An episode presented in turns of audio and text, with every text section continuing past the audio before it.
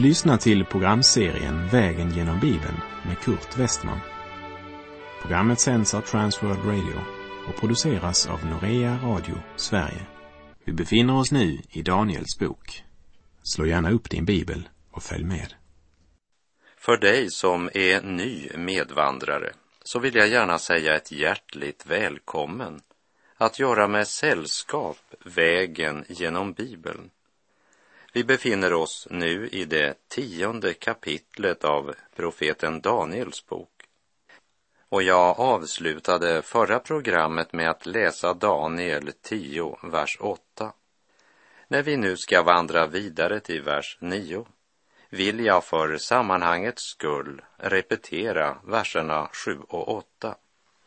Daniel kapitel 10, verserna 7 till och med 10.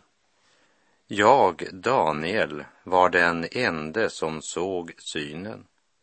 De män som var med mig såg den inte, men stor förskräckelse föll över dem, så att de flydde och gömde sig. Jag blev ensam kvar, och när jag såg den stora synen försvann all min kraft. Färgen vek från mitt ansikte så att det blev dödsblekt och jag hade ingen kraft kvar. Då hörde jag ljudet av hans tal och när jag hörde det föll jag bedövad ner med mitt ansikte mot jorden. Då rörde en hand vid mig och hjälpte mig upp på mina darrande knän och händer. Inför det nära mötet med evighetens värld blir Daniel dödsblek. Han faller ner på sitt ansikte mot jorden och det är i den ställningen han blir vidrörd av den evige. Det handlar nog också om både kroppslig och psykisk trötthet. Daniel hade fastat och bett. Det står inte att han inte åt någonting alls, men texten säger att han åt ingen god mat. Men låt oss försöka tänka oss in i Daniels situation. Kung Kores ger det judiska folket rätt att återvända hem till sitt land. Men efter två år så har bara några få återvänt. De flesta av Guds utvalda slår sig till ro i Babel. Daniel går in i en bönekamp som varar från morgon till sent på kväll, men utan att han får något svar. Också andra dagen blir en dag i bön och han hänger sig så i bönekampen att han bara äter det allra nödvändigaste. Men också dag två övergår till natt utan någon form för svar. Man ber en tredje dag och man väntar på svar. Men Gud svarar inte. Det går en fjärde dag, en femte, en vecka utan svar. Vi kan bara ana hur lång tiden kändes då timme efter timme sakta vändes i dygn och dygnen blev en vecka två veckor, ja, tre veckor. Timme för timme, minut för minut, i bön och i väntan på svar. Klart att han är utsliten både psykiskt och kroppsligt. Kanske nästan gett upp att han alls skulle få något svar. Gud hör mig inte längre. Ingen hör mina rop längre. Och så plötsligt kom uppenbarelsen. Daniel vet att den är sann och den gäller stor vedermöda. Och den vedermöda han såg gör honom likblek. Han mister all kraft och faller som bedövad till marken.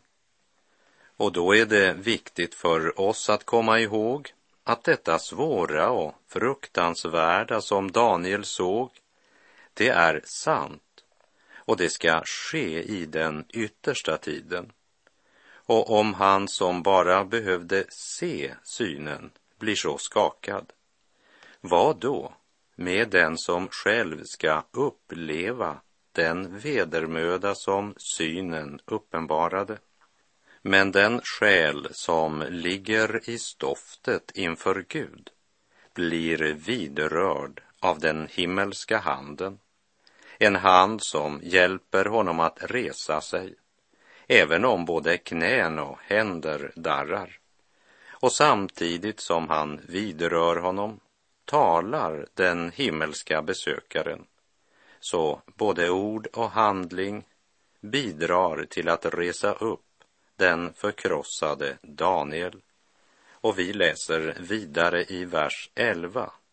Sedan sade han till mig, Daniel, du högt älskade man, ge akt på det ord som jag ville tala till dig och res dig upp på dina fötter. Ty jag har nu blivit sänd till dig. När han sade detta till mig reste jag mig bävande upp. Efter 21 dagars bön, utan något svar, trodde Daniel att han var glömd av Gud. Men det första Gud gör är att påminna Daniel att han är älskad av Gud, ja, högt älskad. Vi kunde säga han är älskad på högsta nivå älskad av den högste, honom som sitter på tronen och håller historiens trådar i sin hand. Nu vet han att han är älskad av Gud, men eh, fortfarande känner han fruktan för den vedermöda han såg i synen. Och Gud, han vet vad som rör sig i våra hjärtan och tankar. Hör nu vad som sägs i vers 12 och 13. Jag läser det här avsnittet ifrån Bibel 2000s översättning. Han fortsatte, var inte rädd, Daniel. Ända sedan den dag då du började söka efter insikt och ödmjuka dig inför din Gud har dina ord blivit hörda. För dina ords skull har jag kommit. Perserrikets änglaförste gjorde motstånd mot mig under 21 dagar. Men Mikael, en av de främsta änglafurstarna, kom till min hjälp så att jag inte behövdes hos de persiska kungarna. Här får vi en blick in bakom förhänget i den andliga världen och om den strid som föregår i Andens värld. Och det avslöjar för oss att universum rymmer långt mer än det mänskliga ögat ser. Det är inte mycket som uppenbaras för oss och vi ska inte heller spekulera eller försöka förstå mer än det som Gud uppenbarar. Ängeln uppenbarar för Daniel att från det ögonblick han vände sig till Gud har hans bön blivit hörd. Och en himmelsk tjänare blev utsänd men blev hindrad på sin väg. Ett eh, uttalande som fyller oss med förundran men samtidigt ger oss en större förståelse av varför Paulus förmanade de troende i Efesus med orden Ta på er hela Guds vapenrustning så att ni kan stå emot djävulens listiga angrepp. Ty vi strider inte mot kött och blod utan mot furstar och väldigheter och världshärskare här i mörkret, mot ondskans andemakter i himlarna. Ta därför på er hela Guds vapenrustning så att ni kan stå emot på den onda dagen och behålla fältet sedan ni fullgjort allt. Som det står i Efeserbrevet 6, verserna 11 till och med 13. Bön är alltid en andlig strid. Paulus säger också att bönen var en andlig kamp som utgjorde en viktig del av hans liv. I Romarbrevet 15, vers 30 säger han Jag uppmanar er bröder, för vår Herre Jesu Kristi skull och för den kärlek som Anden väcker, att kämpa tillsammans med mig genom att be till Gud för mig. Kämpa tillsammans med mig, ljuder apostelns uppmaning.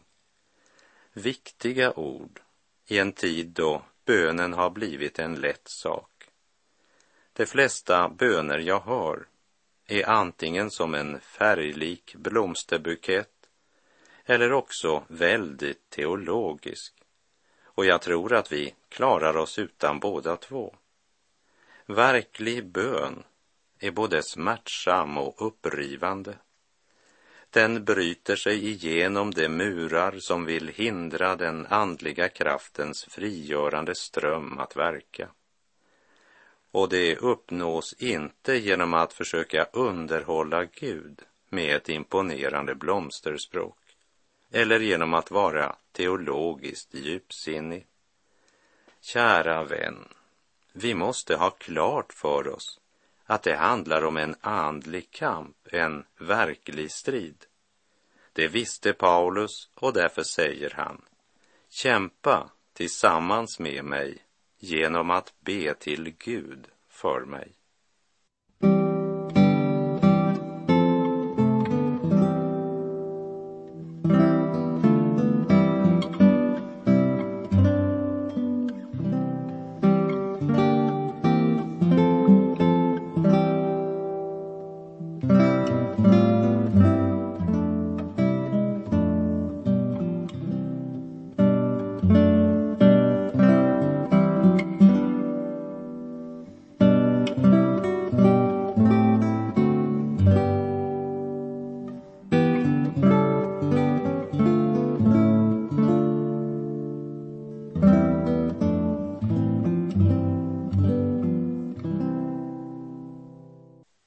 Men vem är då denne perserrikets änglaförste som gjorde motstånd mot ängeln som var utsänd till Daniel?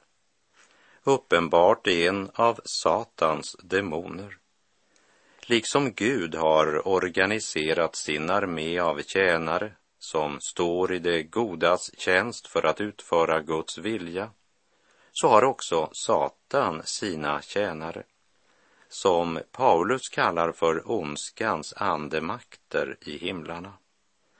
Och änglaförsten över det persiska riket var tydligen en av de högsta och viktigaste i ondskans ande här, som har ansvaret för det som sker i Persien. Och han lyckades hindra ängeln som var utsänd. Men då kommer förstärkning av en av de främsta änglafurstarna, nämligen Mikael. Varför blev ängeln som sänds till Daniel hindrad? Därför att han hade upplysningar både om det persiska kungariket och det grekiska kungariket som vi ska se när vi kommer till nästa kapitel. Satan vill inte att sanningen ska komma fram. Satan, han bedrar människan att försöka förstå situationen endast utifrån vad ögat ser och utifrån de yttre omständigheter som för tillfället råder. Och de yttre omständigheter för Daniel just nu var ju att Israels folk hade fått lov att återvända till sitt land men trots att det gått två år sedan de fick den friheten så är det nästan ingen som har återvänt. Det kunde se ut som om Jerusalem aldrig mer skulle kunna byggas upp. Och i sin förtvivlan vänder Daniel sig till Gud för att få svar på sitt folks framtid. En budbärare sänds ut för att förkunna sanningen om Guds folks framtid. Men Satan försöker hindra att sanningen ska uppenbaras för Daniel. och ondskans andemakter mobiliserar sitt motstånd till det yttersta med perserrikets änglaförste i spetsen. Vi ska ju komma ihåg att också Daniel befann sig i den del av världen som styrdes av Persiens kung. Och Gud var i verksamhet fastän Daniel inte var klar över det. Från det ögonblick Daniel började be var den himmelska aktiviteten igång. Men när dag efter dag gick och vecka lades till vecka kunde det ju mänskligt sett se ut som om Daniel var glömd. Varför skulle han fortsätta att be när han ändå aldrig fick svar? Satans mål, det var att Daniel skulle upphöra att ropa till Gud. Men Daniel var inte styrd av yttre omständigheter.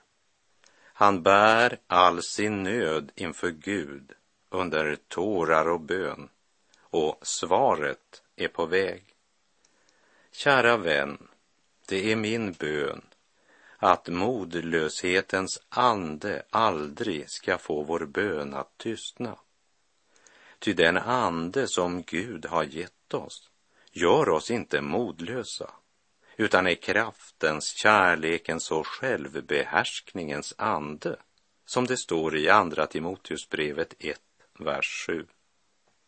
En av orsakerna till att offentliga bönemöten ofta är präglade av kraftlöshet och är torra och döda, det är därför att det är så många som rabblar upp en vacker liten bön utan att vara klar över att vi befinner oss i krig. Det är en strid som måste utkämpas och vinnas. Paulus nämner det igen i Andra Korinthierbrevet 10, verserna 3 till och med 5. Ty även om vi lever här i världen strider vi inte på världens sätt. Det vapen vi strider med är inte svaga, utan har makt inför Gud att bryta ner fästen. Ja, vi bryter ner tankebyggnader och allt högt som reser sig mot kunskapen om Gud och vi gör varje tanke till en lydig fånge hos Kristus. Kampen för vår frälsning, den har Kristus alena utkämpat och vunnit. Frälsningen, det är en gåva som redan är betald. Den gåvan är gratis, men det kostar allt att ta emot den. Livet i Kristus, det är ett större företagande än vad någon av oss hade drömt att det skulle vara. Du och jag måste inse hur beroende vi är av den helige Ande i våra liv och hur beroende vi är av Kristi närvaro. Vi måste inse att vi befinner oss mitt i en andlig strid och det gäller liv eller död himmel eller helvete.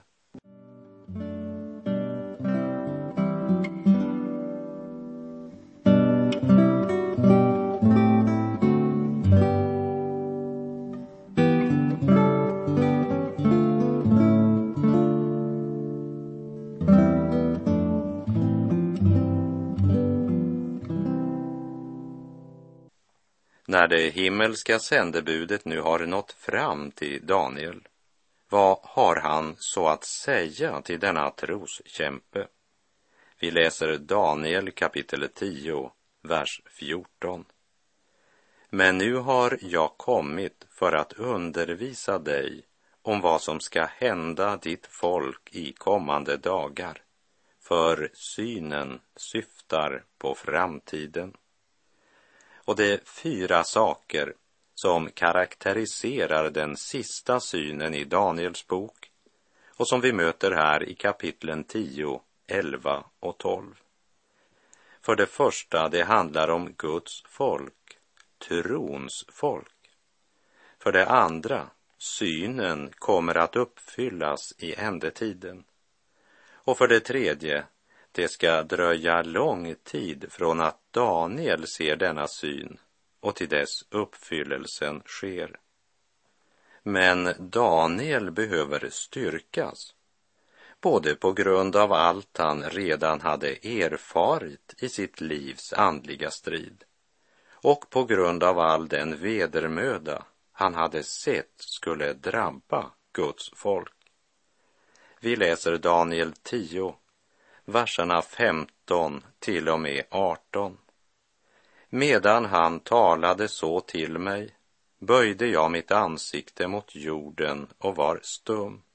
Och se, han som var lik en människa rörde vid mina läppar. Då öppnade jag min mun och sade till honom som stod framför mig. Min Herre, genom synen har stor ångest gripit tag i mig och jag har inte någon kraft kvar.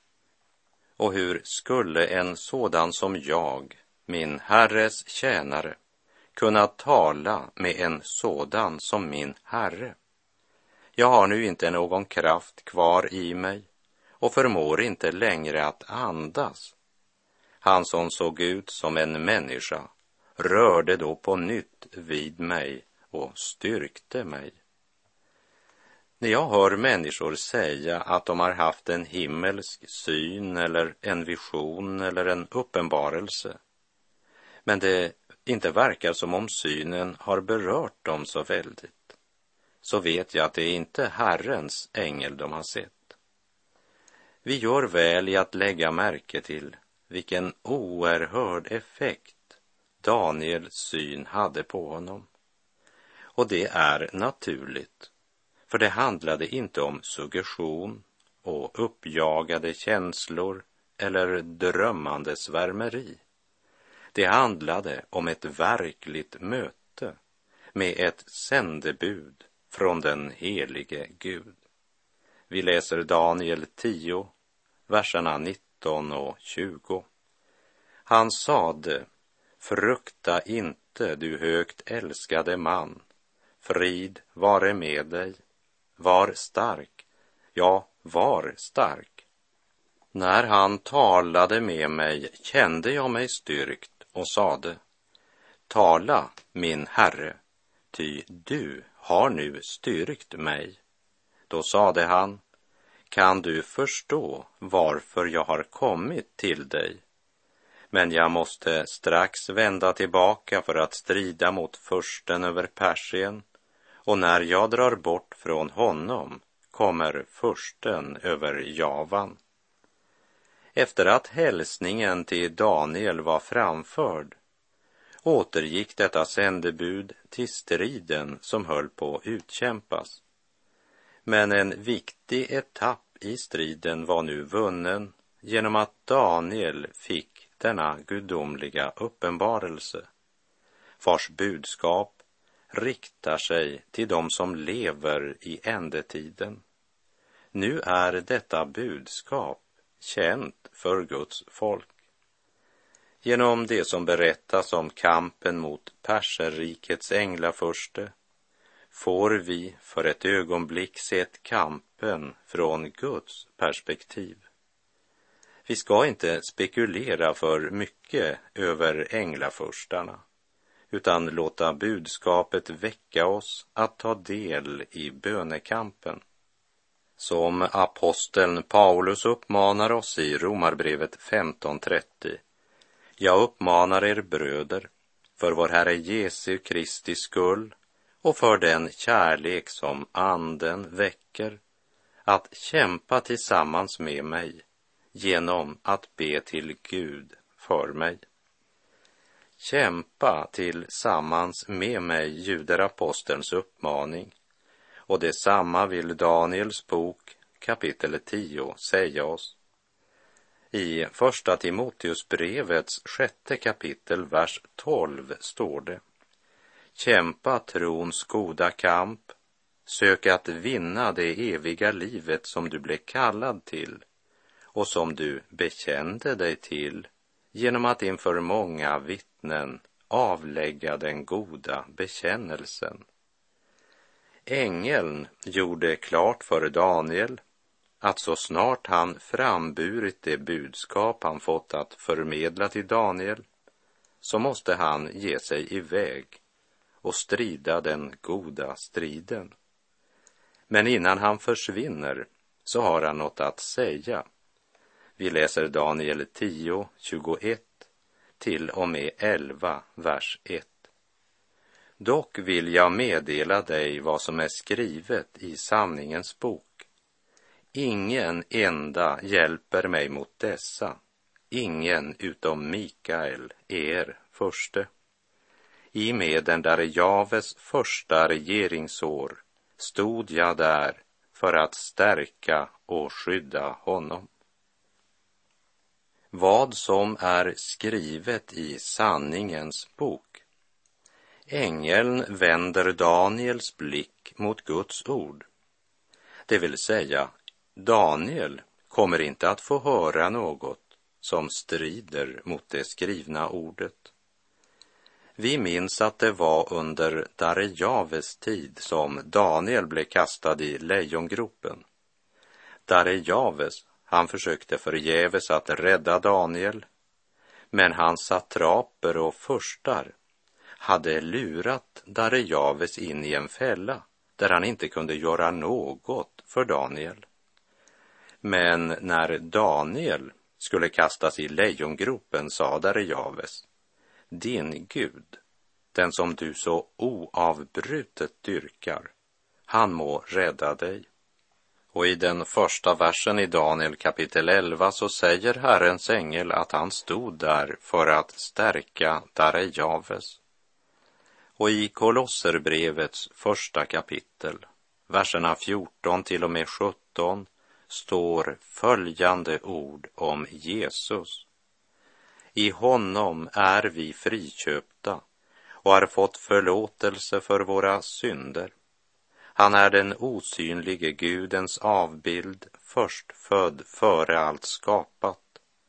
Ty i honom skapades allt i himlen och på jorden, det synliga och det osynliga, tronförstar och herradömen, makter och väldigheter. Allt är skapat genom honom och till honom. Han är till före allting och allt består genom honom. Och med det så är vår tid ute för den här gången. Herren vare med dig. Må hans välsignelse vila över dig. Gud styr historiens gång. Låt honom styra också ditt liv. Och låt det skrivna ordet och ensamheten i bön få stor plats i ditt liv. För där uppenbarar sig Gud. Och Gud är god.